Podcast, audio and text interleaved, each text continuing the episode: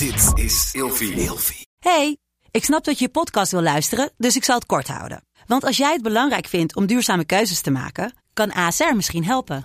Nou hoor ik je denken, hoe dan? Nou, bijvoorbeeld bij het duurzaam herstellen van schade. Of de premies die we beleggen volgens ons duurzaam beleggingsbeleid. Dat bepaalt waar we wel en juist niet in investeren. Wil je meer weten over welke duurzame keuzes ASR maakt? Ga dan naar asr.nl slash duurzame keuzes. ASR doet het. Zo, dan kan je nu lekker naar je podcast luisteren.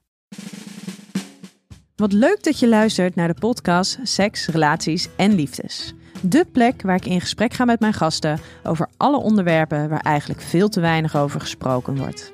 Dus luister, geniet en laat je vooral inspireren. Ja, welkom bij een nieuwe aflevering van Seks, Relaties en Liefdes. En mijn gast van vandaag is Vera, ook wel bekend als Vera Camilla. Hi, welkom. Hallo. Onwijs leuk dat het eindelijk gelukt is. Ja, ja, ja ik, wel eens, ik, heb, ik heb heel vaak verzet. Ik vond het echt verschrikkelijk. Het was ook echt, ik zei ook tegen Jeff toen we in de auto zaten van, oh, ik ben eindelijk, ik ben zo blij dat ik niet weer heb afgezegd. Ja, Dus- maar ja, zeker. Ja, maar weet je, sowieso kan dat natuurlijk gebeuren. Eh, aan de andere kant, zeker in relatie tot het onderwerp waar wij het over gaan hebben, ja, moet je af en toe gewoon even andere keuzes maken. klopt. Dan zou het wel heel gek zijn als ik jou erop zou veroordelen of nou ja, daar moeilijk over zou gaan doen. Nou ja, het is natuurlijk toch, soms dan klinkt het in de theorie wel allemaal mooi van, oh ja, dan snap ik dat je af en toe voor jezelf moet kiezen en inderdaad een afspraak moet afzeggen. Maar in de praktijk is natuurlijk nog maar de vraag of dat echt begrepen wordt als je zegt van, hey, Ja, maar ik ben en psycholoog ja, en we gaan het over dit Ja, probleem hebben. Dus dat zit goed. No grudges fijn, there. heel fijn. Ehm, hey, jij bent eigenlijk de vrouw die eh, jouw bereik op social media eh inzette om mentale klachten beter bespreekbaar te maken. Nadat je zelf geconfronteerd werd met een angststoornis, een flinke burn-out en een depressie. Klopt. Dan heb je ook wel even een eh fikse reeks te pakken. Ja, het is echt een. Ik, ik spaar ze allemaal. Nou, hè? Ja, Ja. ja. Heb je, nou, je, het is nog maar drie, dus er moet nog iets bij voor die kwartet. Nou ja, dat is waar. Waar hoop We je zijn op? goed bezig. nou ja, ik dacht eerst, eh, ja, misschien iets van OCD of zo. Dat is wel een die- beetje ja, in die is die wel richting. onprettig, hoor. Ja, heel onprettig. Ja, die is Maar heel Ze onprettig. zijn allemaal niet leuk. Nee, dus- daar heb je helemaal gelijk in. Hey, maar fijn eh, dat jij er vandaag wil zijn. En ik heb je gevraagd, wij hebben elkaar natuurlijk al eerder gesproken in de eh, podcast Op zoek naar seksualiteit. Ja.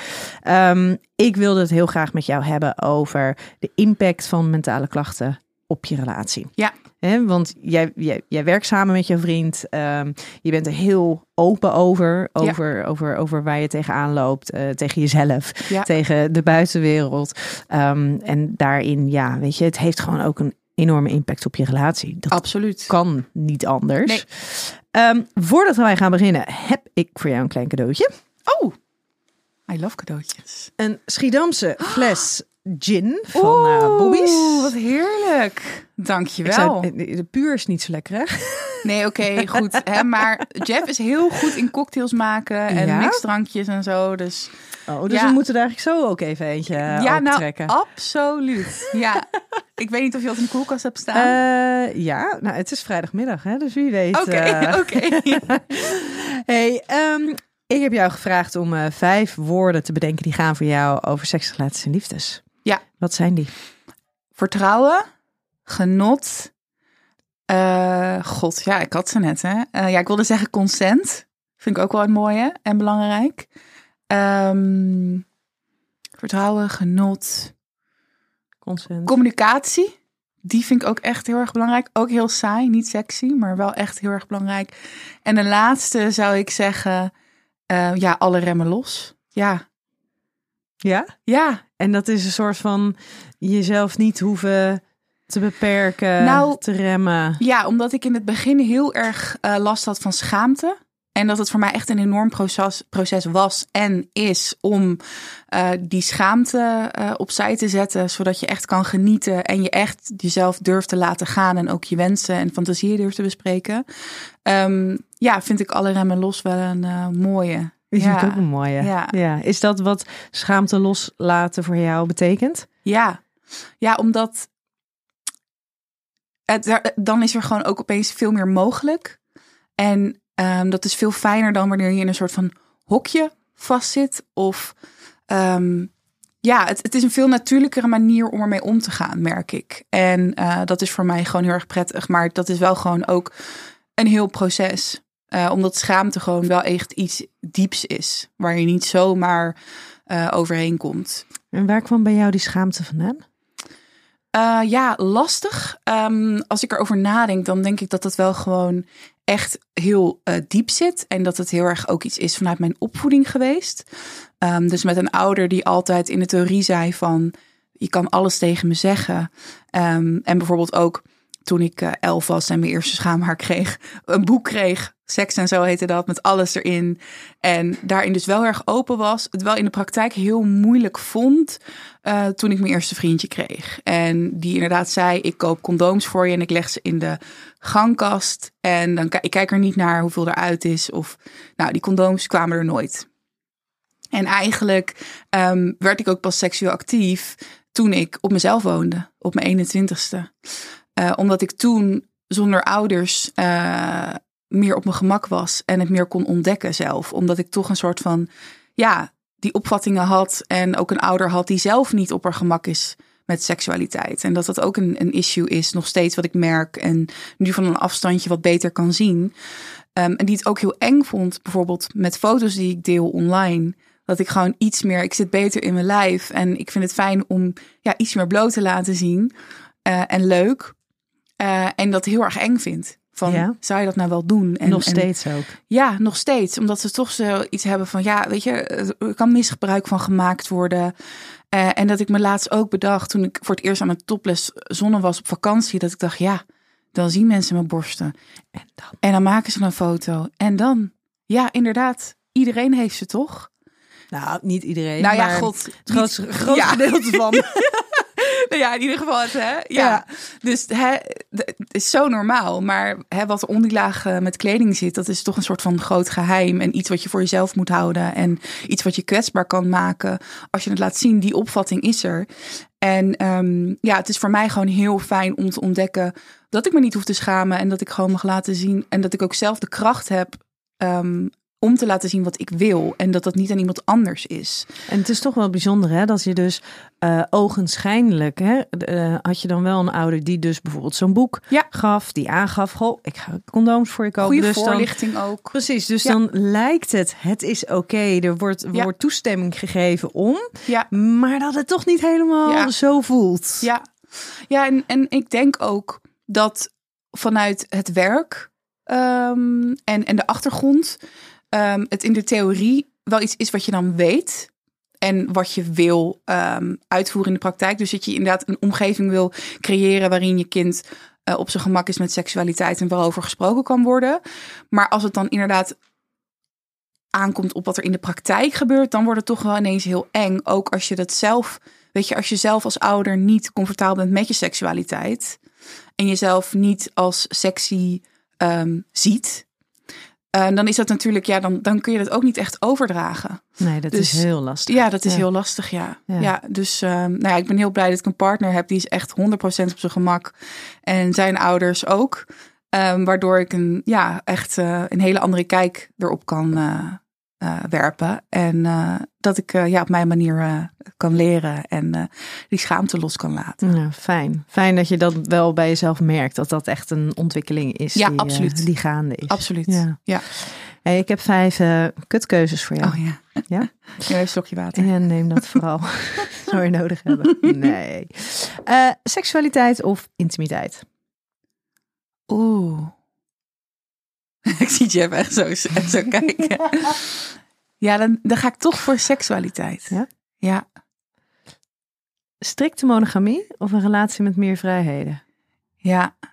En weer kijken ze naar Jeff. Nou ja, dit is natuurlijk omdat ik zit in een monogame relatie. Mm -hmm. um, van acht jaar inmiddels. Dat het toch wel af en toe, ja, je gaat toch nadenken over van, is het in deze vorm nog, werkt het nog? En, en gaan we het zo voortzetten? Maar ja, ik ga toch wel voor strikte monog monogamie. Ja. ja.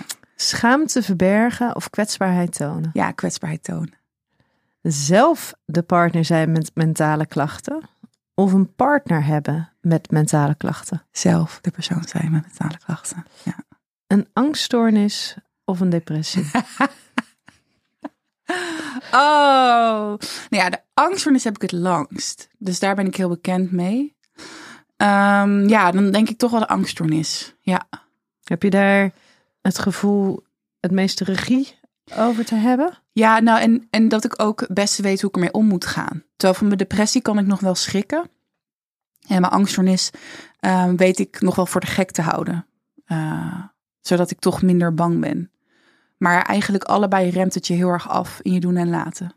Maar is dat niet sowieso een verschil? En ik heb het nog nooit ervaren. Hè? Dus, Hmm. dus dat maakt het vanuit mijn perspectief heel anders. Maar is het sowieso niet dat vanuit een dat je bij een angststoornis, als je, als je de tools hebt, als je de vaardigheden hebt, dat die wat makkelijker Mm. te begrenzen is, voor de gek te houden is eigenlijk, Ja. dan een depressie. Ja, voor, er zijn heel veel vormen. Dus eh, dat maakt het lastig. Voor iedereen is het anders. Ehm, wat jij zegt, dat, dat, dat heb ik zelf ook zo ervaren. Maar ik moet wel toegeven dat het wel heel erg hand in hand gaat. En dat het verschil bij mij heel erg zat in dat ik wel met mijn angststoornis dat ik heel graag wilde, maar niet durfde. En met mijn depressie dat ik eigenlijk dacht van ja, wil ik überhaupt nog wel? Eh, waardoor ik weer meer durfde, omdat je dan minder te verliezen hebt. Dus eigenlijk heel gek. Eh, en ik merk nu, ik heb heel veel therapie gehad en EMDR en van alles. Dat sinds ik medicatie slik voor mijn depressie, die werkt ook voor mijn angststoornis. En dan is het gewoon heel fijn dat je merkt, oh, die angsten komen niet meer om de haverklap op. En ik kan opeens een stuk gewoon realistischer kijken naar situaties. En niet steeds tegen mijn angststoornis hoeven zeggen van, joh, je lult maar, het is onzin. Uh, en, en dat is zo, dat scheelt zoveel energie. En dat is echt, uh, nou, dat is uh, heel, heel fijn, merk Ja, ik. En Ja. dat is wel goed hè, voor heel veel mensen om te realiseren dat als je inderdaad een angststoornis hebt, dat het heel vaak dus antidepressiva zijn. Ja, Ehm, hè, zij het in milde, milde dosering, ja, ehm, die dus voor angstklachten onwijs helpen. onwijs. En dat dat net even die heftigheid ervan af kan halen, waardoor je wat meer kan ademen, waardoor Precies. je je leefruimte gewoon echt mega toeneemt. Ja. Ja, en, en weet je, het is super belangrijk dat je het in combinatie met, met therapie doet en, en dat je ermee om leert gaan. Maar ik merk nu, het voelt voor mij echt als ik een soort van steuntje in mijn rug heb. En dat ik het niet meer helemaal zelf eh, hoef te doen. Je bent er niet he- of helemaal verantwoordelijk voor. Precies. Je hoeft niet continu Ja. gewoon keihard te werken. Nee, exact dat. En dan ben ik echt na zoveel jaar wel aan toe hoor. Ja. Eindelijk. ja. Ja. Hey, eh, ik ben nog wel benieuwd, want je zei net van, hè, ik zit nu al acht jaar in een, in een eh, gewoon een monogame relatie. Ehm, dan ga je ook wel in gesprek van, hey, is, is er meer? Ga, blijven we het zo doen? Zijn Ja. er andere mogelijkheden? Ja. Kan, kan jij jezelf wel voorstellen ehm, dat je tijdens een andere fase in je leven zou kunnen zeggen, hey, wij gaan ons wat meer vrijheden permitteren? Ja, dat is wel iets waar ik over na heb gedacht. En sowieso ook, nou ja, ik, acht jaar vind ik echt lang. En het is ook mijn eerste serieuze relatie. En daarvoor heb ik eigenlijk nooit gedate. Ehm, dus ik denk, denk wel na over de vorm die het nu heeft en hoe het eruit zou zien in de toekomst. Maar ik merk wel dat, ja, mijn eh, vriend en ik, Jeff en ik, zijn wel gewoon heel erg een soort van, ja, we zijn echt in een relatie met elkaar, maar we zijn ook echt een, een, een, een team. Ja, dat hoor je natuurlijk vaker. Maar ik vind het lastig om uit te leggen dat we zijn ook gewoon super close en heel erg sterk vriendschappelijk.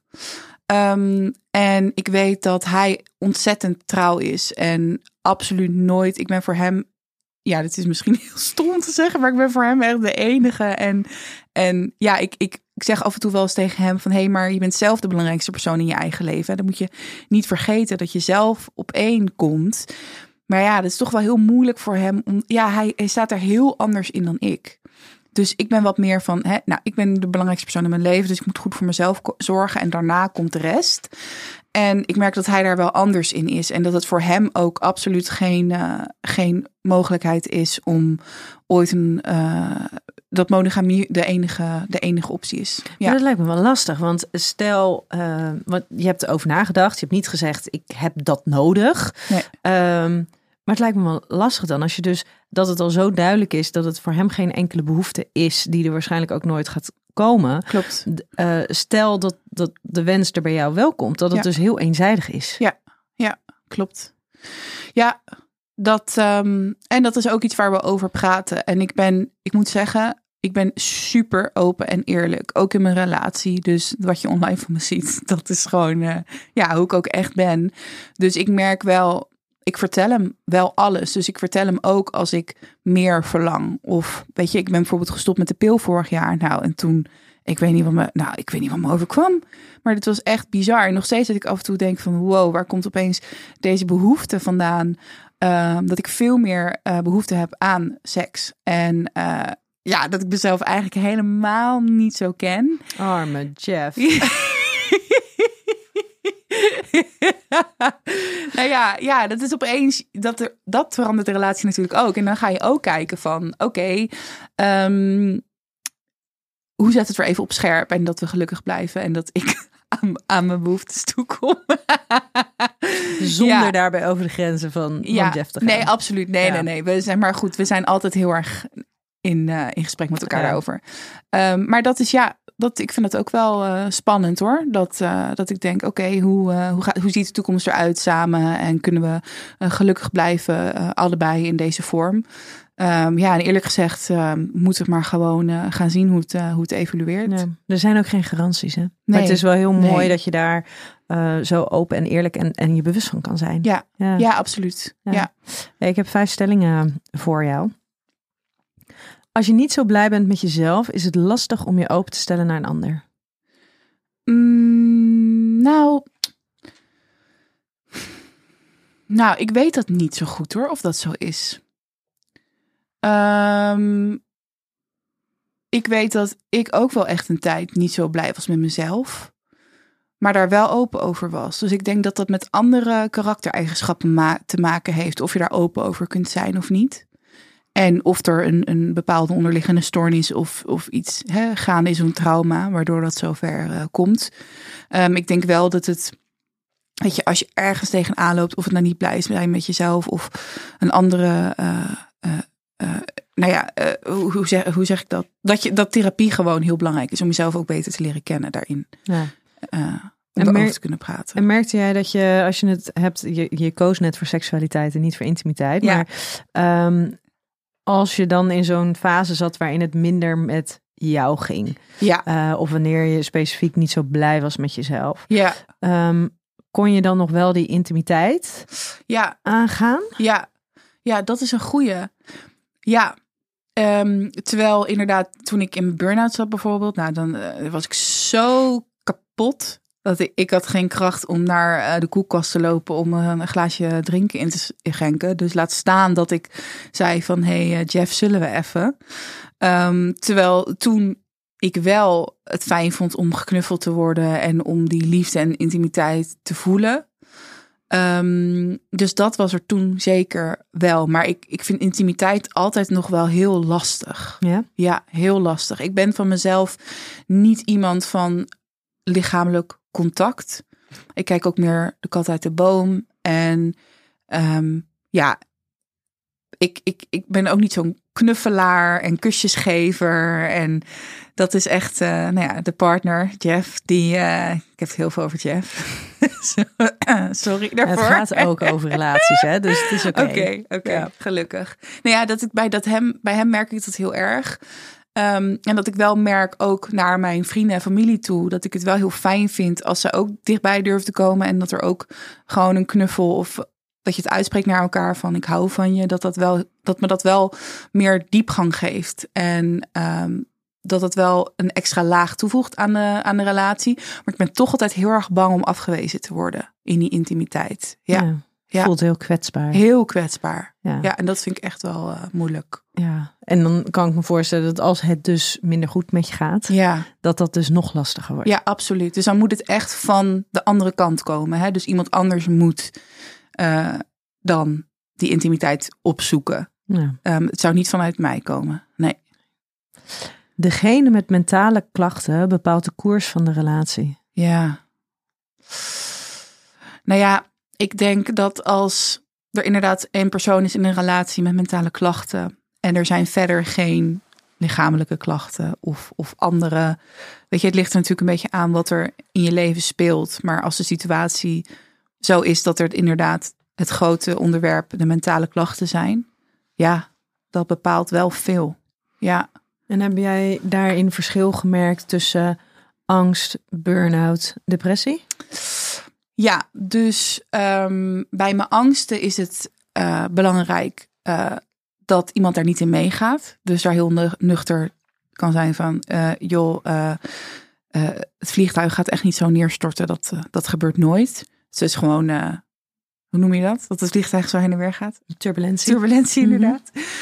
um, bij een depressie is het ja, toch wat spannender, omdat het vaak heel veel in het hoofd afspeelt en niet zozeer um, dat je het uitspreekt wat er aan de hand is. Dus dat is belangrijk dat je dan juist een omgeving creëert waarin je wel kunt zeggen van hé, hey, als je bijvoorbeeld ook suïcidale klachten hebt of gedachten, dat je daarmee worstelt. Dus dat die sfeer daarvoor is en dat er ruimte voor is in een relatie. Um, en met een burn-out, ja, dan dan heb je even iemand die er eigenlijk niet is, maar wel is. Dus je moet heel veel taken dan overnemen. Koken, boodschappen doen, schoonmaken. Hele praktische dingen waar je gewoon niet aan toe komt, omdat je de energie er niet ja, voor hebt. Ja, en plus er zijn ook geen leuke dingen. Dus je gaat ook niet naar de film of uit eten of wat dan ook. Dus dat is ook gewoon wel echt, echt heel zwaar. Was, was die dan misschien het zwaarst? Ik denk dat de burn-out wel het zwaarst was. Ja. Ja, en dat ook dat heel erg lang zo is. Dus je moet alleen maar geduld hebben. Het is niet zo dat je kan zeggen: Oh, uh, we gaan even naar de huisarts en. Uh, en halen even pilletjes. Precies. En, uh, nee. Exact. Het is gewoon een kwestie van uitrusten. Ja, maar dat onderschatten mensen ook, ja. hè, die in een burn-out terechtkomen. Ja. Dat het, dat het echt heel lang kan duren. Echt. Volgens mij is het, ik, dat is alweer eventjes geleden hoor, maar dat het um, gemiddeld anderhalf jaar duurt. Ja. Van moment van besef van diagnose. En dat is dus vaak, dan zit je er al een langere tijd in. Ja. Um, tot aan het idee hebben, hé, hey, ik ben er weer. Ja. Dat is anderhalf jaar. Ja, klopt. Ja, heb ik zelf ook zo ervaren. Ja, en dan is het, het is ook, maar het is zo'n proces waar je ook niet op kan voorbereiden. Um, het is er ineens. Het is er ineens. Het is letterlijk, ja. patsboom. Ja, en dan... Hou maar op. Je gaat het ontkennen. Kan toch niet? Hoezo? Uh, ik ging het allemaal heel rationeel bekijken. Van, nou ja, eh, ik een burn-out met mijn werk natuurlijk. Hè, dat, dat kan helemaal niet. Ik kan het helemaal indelen zoals ik zelf wil. Precies, en ik heb die het vrijheid. hartstikke leuk. En... en... ik verdien goed geld. En het is allemaal fantastisch. Ik heb helemaal geen tijd nu om... Uh... Ja, dat is dus het probleem, hè? En dat is ook de grootste valkuil van mensen die een valkuil hebben. Ja, maar ik heb helemaal geen tijd Nee. om ziek te zijn. Ik heb Nee. helemaal geen tijd om Nee. een grens aan te geven. Ik heb geen tijd om tijd voor mezelf te nemen. Nee, het moet doorlopen. De show must go on. Ehm, maar er staat wat tegenover wat ik nu geleerd heb van. Het was echt verschrikkelijk, die, ander, die anderhalf jaar, bijna twee jaar. Het was echt, eh, nou ja, je wordt gewoon echt helemaal uitgekleed. Helemaal, blijft niks meer van je over. Alles wat je weet, weet je niet meer. Eh, je moet alles opnieuw leren. Maar het is zo waardevol nu. Wat ik ervan heb geleerd en hoe ik nu in het leven sta... dat had nooit zonder burn-out eh, kunnen gebeuren. Ga, je, Dus ga je ook anders met je relatie om? ja, ja, ja. In wat Ja. voor opzicht bijvoorbeeld? Nou ja, ik durf nu meer ehm, los te laten. En te zeggen van, regel jij dat maar. En eerst wilde ik alles zelf doen. De perfectionisme, de, zelf, de touwtjes in handen willen hebben. Continu. En ook het idee van, ik moet mezelf kunnen redden. Ook als Jeff er geen zin meer in heeft. Of als ik zeg van, nou, ik vind het wel mooi geweest. Dan is er eigenlijk geen verschil. En terwijl ik nu ook durf te zeggen van, jawel. Ik kan me ook wel afhankelijk afstellen van de ander. Ehm, en dat, dat is ook gewoon echt heel fijn. Dat je ook wat uit handen geeft. Dat je afhankelijk mag zijn van een ander. Precies. Maar dat lijkt me wel, als je dus een partner hebt zoals die jij hebt, ehm, die zichzelf niet op de eerste plek zet, Mhm. maar zijn partner, Ja. kan ik me voorstellen dat daar dus ook een enorm risico op de loer ligt. Namelijk dat hij dadelijk overvraagd is, omdat hij zoveel Ja. verantwoordelijkheid Ja. naar zich toe neemt om Ja. jou met te ontlasten. Klopt. Ja, Uh, nou, het scheelt dat mijn partner dus ook al een burn-out heeft gehad. Hoe was dat? He knows the drill. ja, ja, ja, nee, ja. Maar dat was wel zo. Um, en het was bij hem wel anders. Het was eigenlijk meer uit verveling. Dus hij merkte heel erg de, De uitdaging. Ja, de Ja. bore-out was het. De uitdaging in zijn werk. Um, en toen hij eigenlijk wat anders vond, werd het al snel verholpen. Dus het was minder um, intensief en het was minder een, een dat, je, nou, dat je helemaal afgebroken wordt. Um, dus dat stelt wel gerust. En verder toch ook gewoon. Het stelt gerust als in dat hij Nou ja. tekenen, tekenen herkent Ja. als het niet oké gaat met hem. Precies. En dat hij ook al eerder heeft aangegeven op een gegeven moment met werk ook. Dat hij zei van nou, ik ben blij dat ik, dat ik uh, ontslag heb genomen, want anders was het weer fout gegaan. Ja. Dus um, dat is dat het enige dat ik, uh, waarvan ik denk, oké, okay, dat, dat, dat stelt wel gerust. En verder, ja, grenzen aangeven, ja, dat kan ik natuurlijk niet voor de ander doen. Nee, helemaal als je niet helemaal weet waar grenzen Precies, liggen. En dat precies. is natuurlijk een beetje altijd lastig met zo'n burn-out. Dat Ja. je bent er, ja, ja. Meestal komt hij heel hard binnen, Ja. omdat je dus grenzen te lang hebt genegeerd, Ja, niet bewust van bent geweest. Ja. Ja. Ehm, als we meer zouden weten over mentale klachten, zouden we er minder last van hebben. Dan wel zou het minder impact hebben op onze relatie. ja. Ik denk wel, daar, dat vind ik wel mooi. Ja, omdat, nou, het is niet, hè, als je ergens, nou ja, als je ergens van weet, dan kan je zelf ook meer, dan kan je eh, signalen herkennen. Dan kan je eerder grenzen aangeven. Ehm, dan kan je eerder hulp zoeken. En dat voorkomt denk ik echt een heleboel. Ik denk dat het juist zo gevaarlijk is nu, omdat er gewoon niet over gesproken wordt en dat er zoveel schaamte heerst. En dat dat gewoon echt, daar wil ik gewoon echt heel graag eh, vanaf. Ja, en de vanzelfsprekendheid dat het maar goed gaat met iemand. Ja, Ja, ja. En dat het goed gaat met ons. Ja. Omdat het toevallig nu Ja. even goed Ja. gaat. Ja, en, en terwijl het ding is, het is heel normaal dat het niet goed gaat. Je kan niet altijd goed gaan. Ehm, het is helemaal niet erg als het niet goed gaat. Ehm, maar waar komt het door en, en wat ga je eraan doen? En kan je er ook gewoon even mee zitten? Dat is natuurlijk ook, hè, dat je niet. Soms is het gewoon niet fijn en dan is het niet fijn. En dan hoeven we niet per se alles ehm, om te keren naar een, een positieve ervaring. Maar het is wel dat je weet hoe je daar dan mee om eh, kunt gaan. En eh, dat je dat ook toe kan laten. Het is een soort van, weet je, de maakbaarheid. Alles lijkt nu zo maakbaar. Ook met wat je ziet op met Instagram natuurlijk. Dat alles maar super positief moet zijn. Ehm, ja, dat, dat, dat kan niet altijd. Soms is het gewoon kut. Ja, Maar daar vind ik, als je het dan inderdaad over, ehm, over Instagram, dan, dan zijn er af en toe mensen die, eh, eh, de, de, de influencers, er zijn af en toe mensen en die, die gooien ineens een post tussendoor met eh, van, oh ja, met mij gaat het ook niet altijd goed hoor. En dan krijg je ineens een paar foto's dat ze, op, dat ze huilend erop staan van momenten dat Ja, ze dat te neergeslagen. Die vind ik ook heel moeilijk. erg lastig. Want Ja. daar mis ik dus eigenlijk een beetje de oprechtheid in. Ja. Terwijl aan de ene kant laten ze dus, doen ze een poging van... hey, het, weet je, ik heb deze kant is er ook. Ja, Ehm, alleen ik kies er bewust voor om die niet continu te tonen aan de rest van de wereld. Waarvoor alle ja, respect, want dat, dat hoeft ook helemaal niet. nee. Maar toch bijzonder dat dat dus inderdaad wat doet met de oprechtheid, de authenticiteit ervan. Ja. ja, ik zou dus veel liever zien dat het wel makkelijker wordt om te zeggen van... hé, hey, hoe gaat het? Nou, vandaag eigenlijk even niet zo. Dan dat je op een gegeven moment denkt... oké, ehm, één keer in, de, in het kwartaal moet ik even een statement maken op Instagram. Even wat foto's dat ik aan het huilen ben. Ja, dat, dat, dat, is, dat is weer gelijk zo extreem. Ja.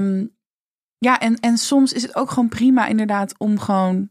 Dan is het dan, ja, hoe gaat het? Ja, niet goed, niet slecht. Ja, Het gaat gewoon. het is gewoon zoals het is. Ja, Ja, precies. Ja. ja.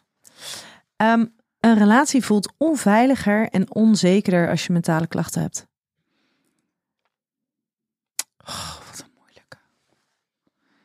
We zitten het hier niet om het een beetje over niks te hebben. Nee, hè? ik weet het.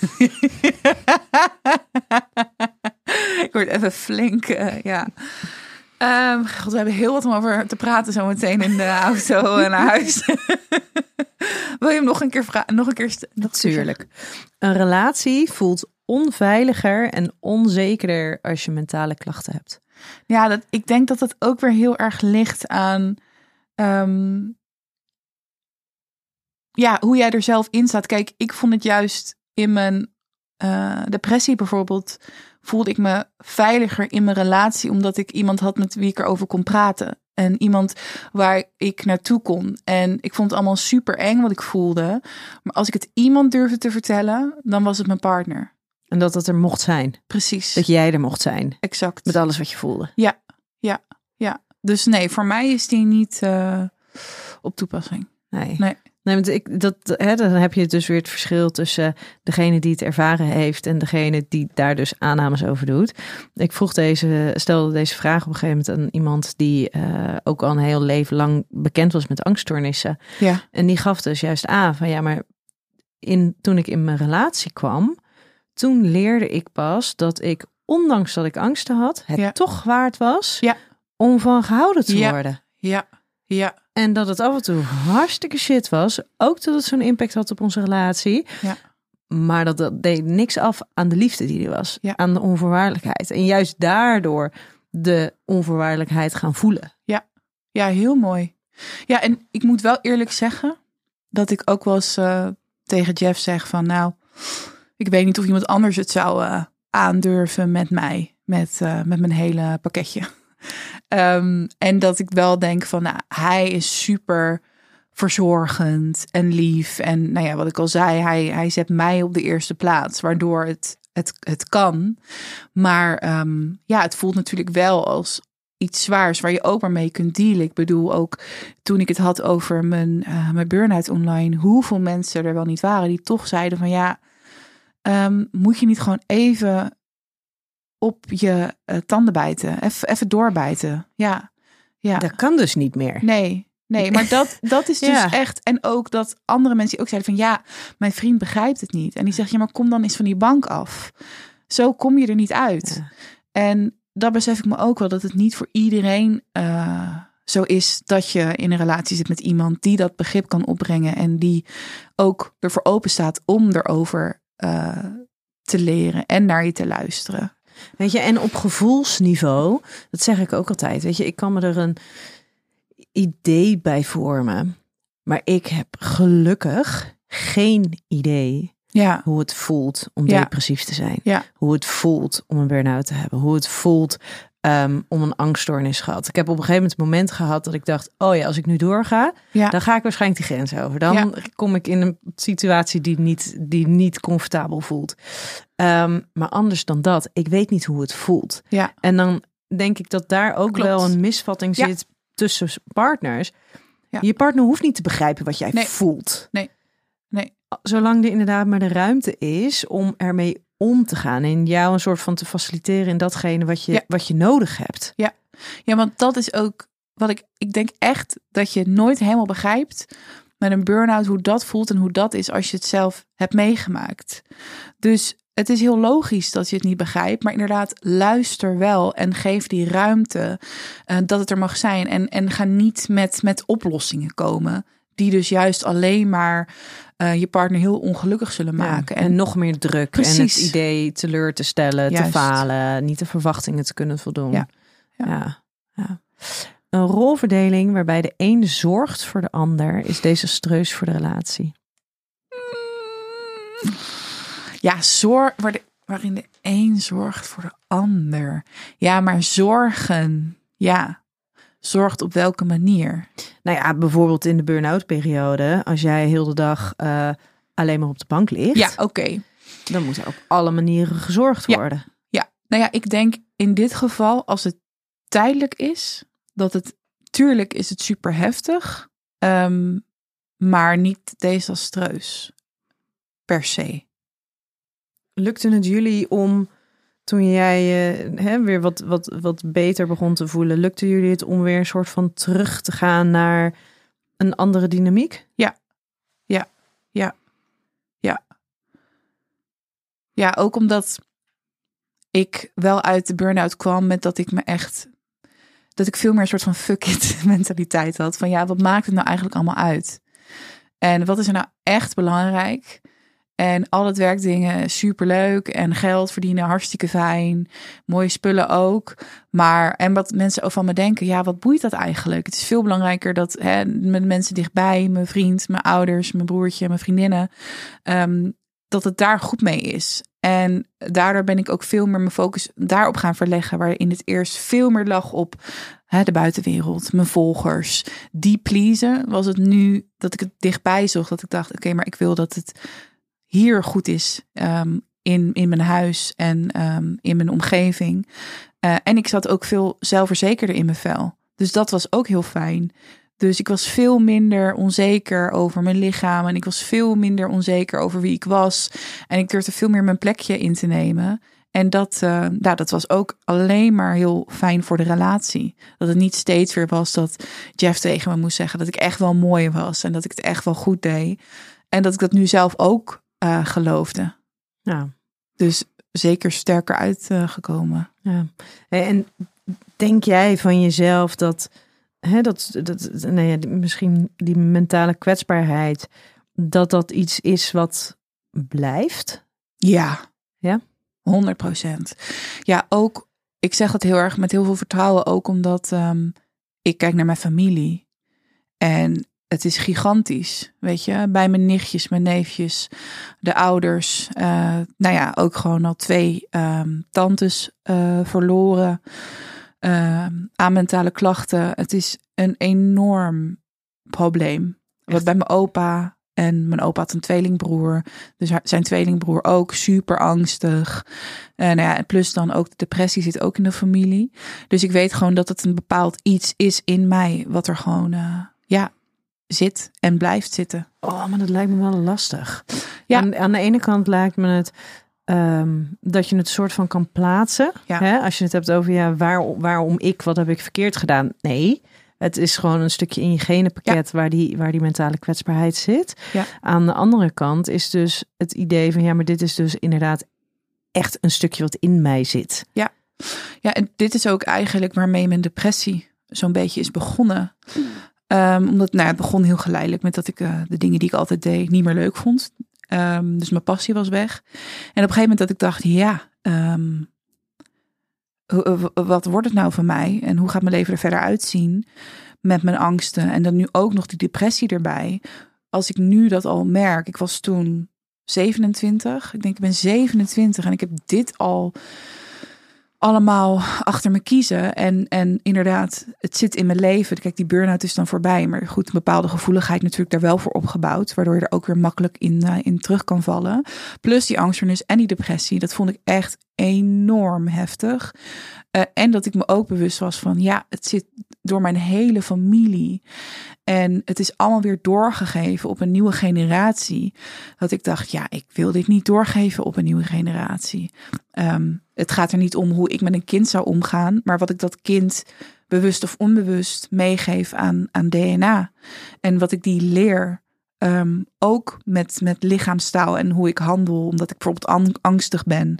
Omdat ik zelf weet dat ik als kind waarschijnlijk van alles heb opgepikt door hoe mijn ouders met mij omgingen en angstig waren, waardoor ik dus ook weer angstig werd. Um, en dat was echt heel heftig. Dan ga je echt heel diep. En nog steeds wel dat ik denk van oké, wat is dan het leven en hoe ziet mijn toekomst eruit?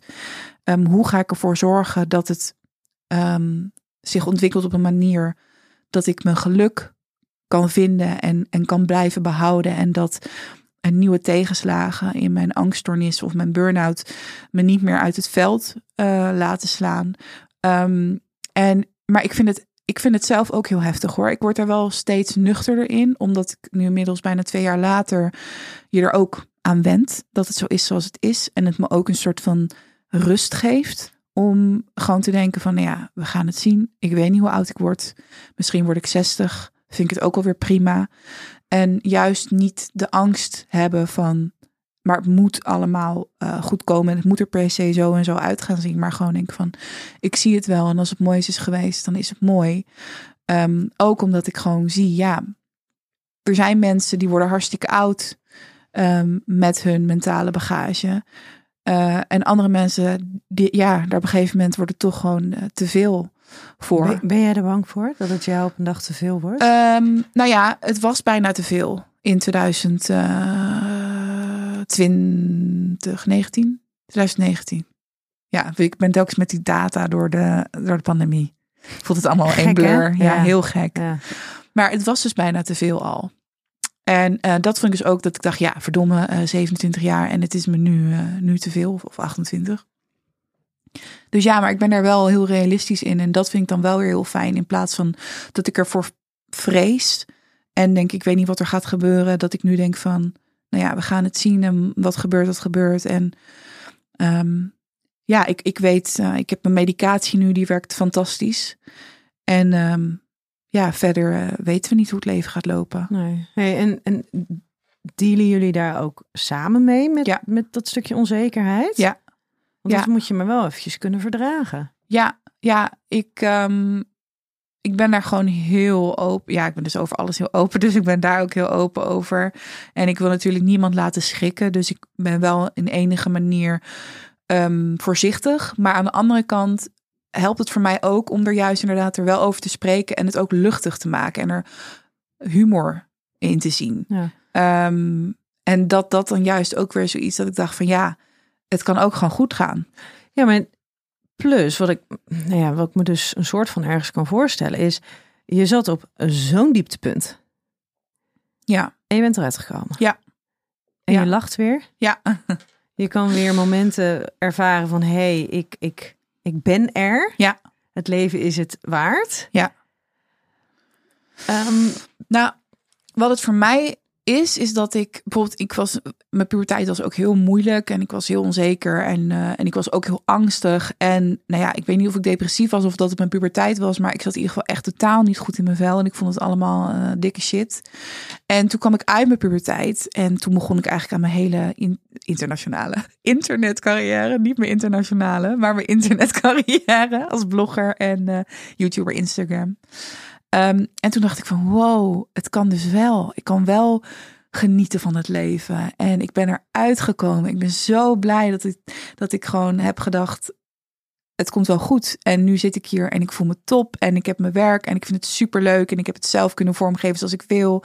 En ik ben trots op mezelf en dat ik me gewoon ontzettend goed voor me eh, voelde. maar je weet ook dat er een En dag kan toen komen. kwam dus weer die klap Ja. dat was het moeilijke. Omdat ik heel echt in overtuiging zat van het komt goed. En die angststoornis ken ik, heb ik onder de knie.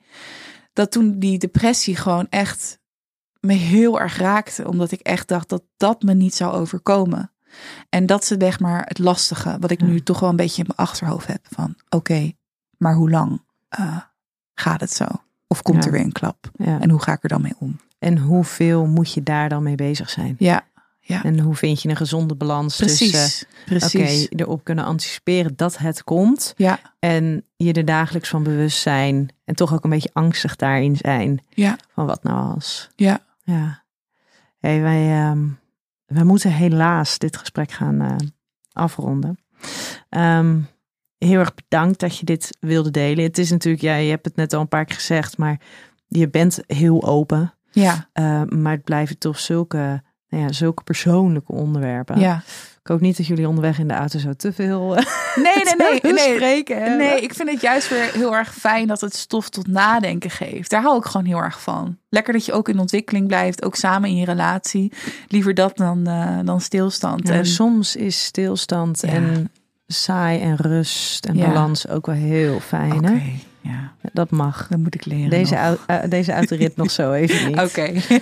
Hey, ehm, dankjewel. ja, jij ook heel erg bedankt. En lieve luisteraar, tot volgende week bij een nieuwe aflevering van Seks, Relaties en Liefdes.